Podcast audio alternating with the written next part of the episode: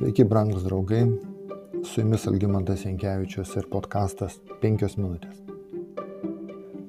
Jei Izraelitas norėjo tiek prieš Dievą, tiek prieš žmonės išreikšti pasitenkinimą jo gyvenimu, jei jo širdyje buvo didelis džiaugsmas ir jam nutiko kažkas ypač malonaus, pavyzdžiui, gausus derlius laukose ar gimė ilgai lauktas vaikas, tada jis aukodavo savanoriškai.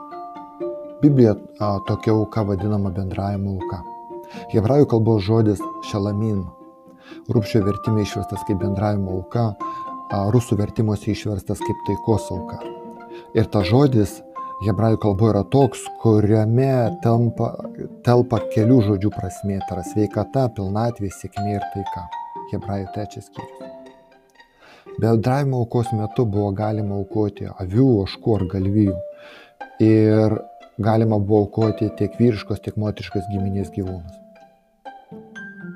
Apšlakščius altorių aukos krauju ir sudeginęs ant jo riebalus, bendravimo aukos mėsa buvo šventinio valgio pagrindas namie, kuriame dalyvavo ir aukotojas, ir jo šeima, ir draugai.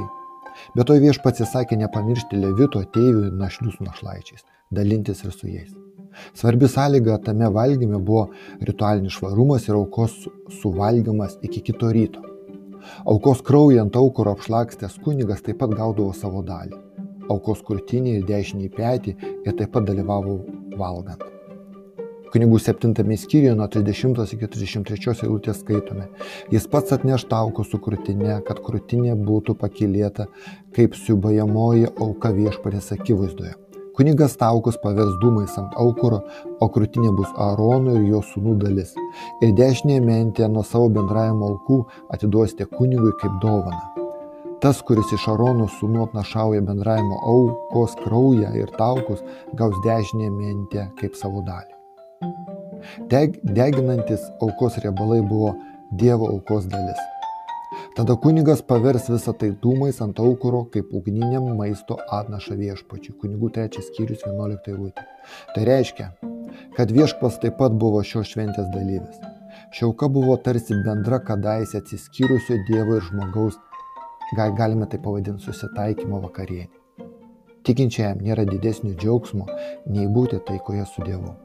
Paulius rašo Romos tikintiesiems, taigi nuteisinti tikėjimu gyvename taikoje su Dievu per mūsų viešpati Jėzų Kristų.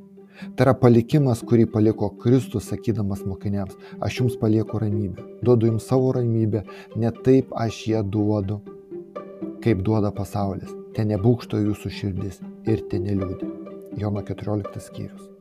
Šios žodžius Kristus tarė žinodamas, kas jo laukia, tačiau nevengė artėjančios mirties ant kryžiaus. Jo vienybė su tėvu tampa mūsų vienybė, sutikinčia ramybę, džiaugsmą ir pasitenkinimą. Jis suteikia laisvę nuo nerimo ir baimės. Krikščionis, kuris randa pagodą Dieve, turi jėgų šaltinį, kuris nepriklauso nuo išorinių aplinkybių.